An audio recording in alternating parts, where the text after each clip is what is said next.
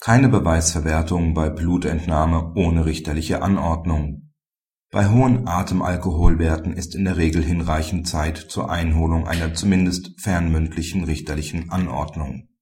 Das Amtsgericht verurteilte den Angeklagten wegen fahrlässiger Trunkenheit im Straßenverkehr zu einer Geldstrafe von 40 Tagessätzen. Die Blutalkoholkonzentration betrug zur Tatzeit mindestens 2,66 Promille. Die Blutprobe ordnete der ermittelnde Polizeibeamte an. Der Angeklagte hatte in eine Blutentnahme nicht eingewilligt. In der Hauptverhandlung widersprach er der Verwertung des Blutalkoholgutachtens. Die Revision des Angeklagten führte zur Aufhebung des amtsgerichtlichen Urteils das OLG stellt fest, dass der ermittelnde Polizeibeamte gegen den Richtervorbehalt des § 81a Absatz 2 StPO verstoßen habe. Insbesondere vor dem Hintergrund, dass bei dem Angeklagten ein hoher Atemalkoholgehalt von 3,08 Gramm pro Ml festgestellt wurde, ist die Annahme von Gefahr in Verzug nicht gerechtfertigt. Zwar tritt durch Einholung einer richterlichen Genehmigung unter Umständen eine Zeitverzögerung ein, in der ein Blutalkoholabbau stattfindet dieser kann jedoch gerade bei hohen Alkoholwerten durch Rückrechnung problemlos ausgeglichen werden.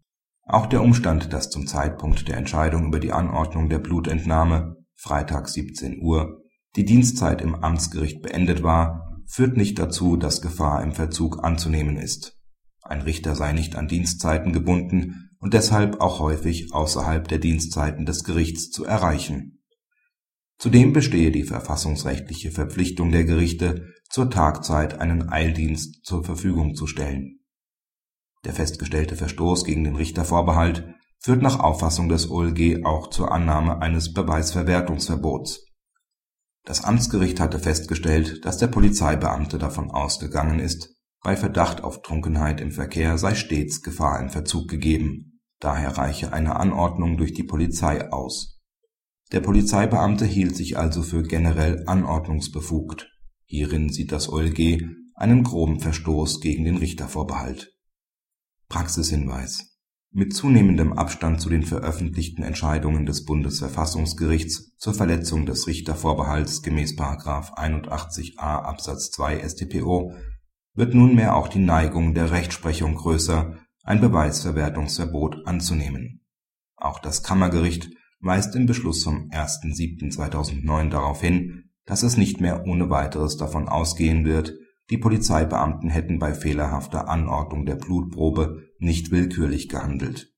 Der Umstand, dass eine Blutprobe nicht zu verwerten ist, besagt noch nicht, dass der Beschuldigte nicht zu verurteilen ist.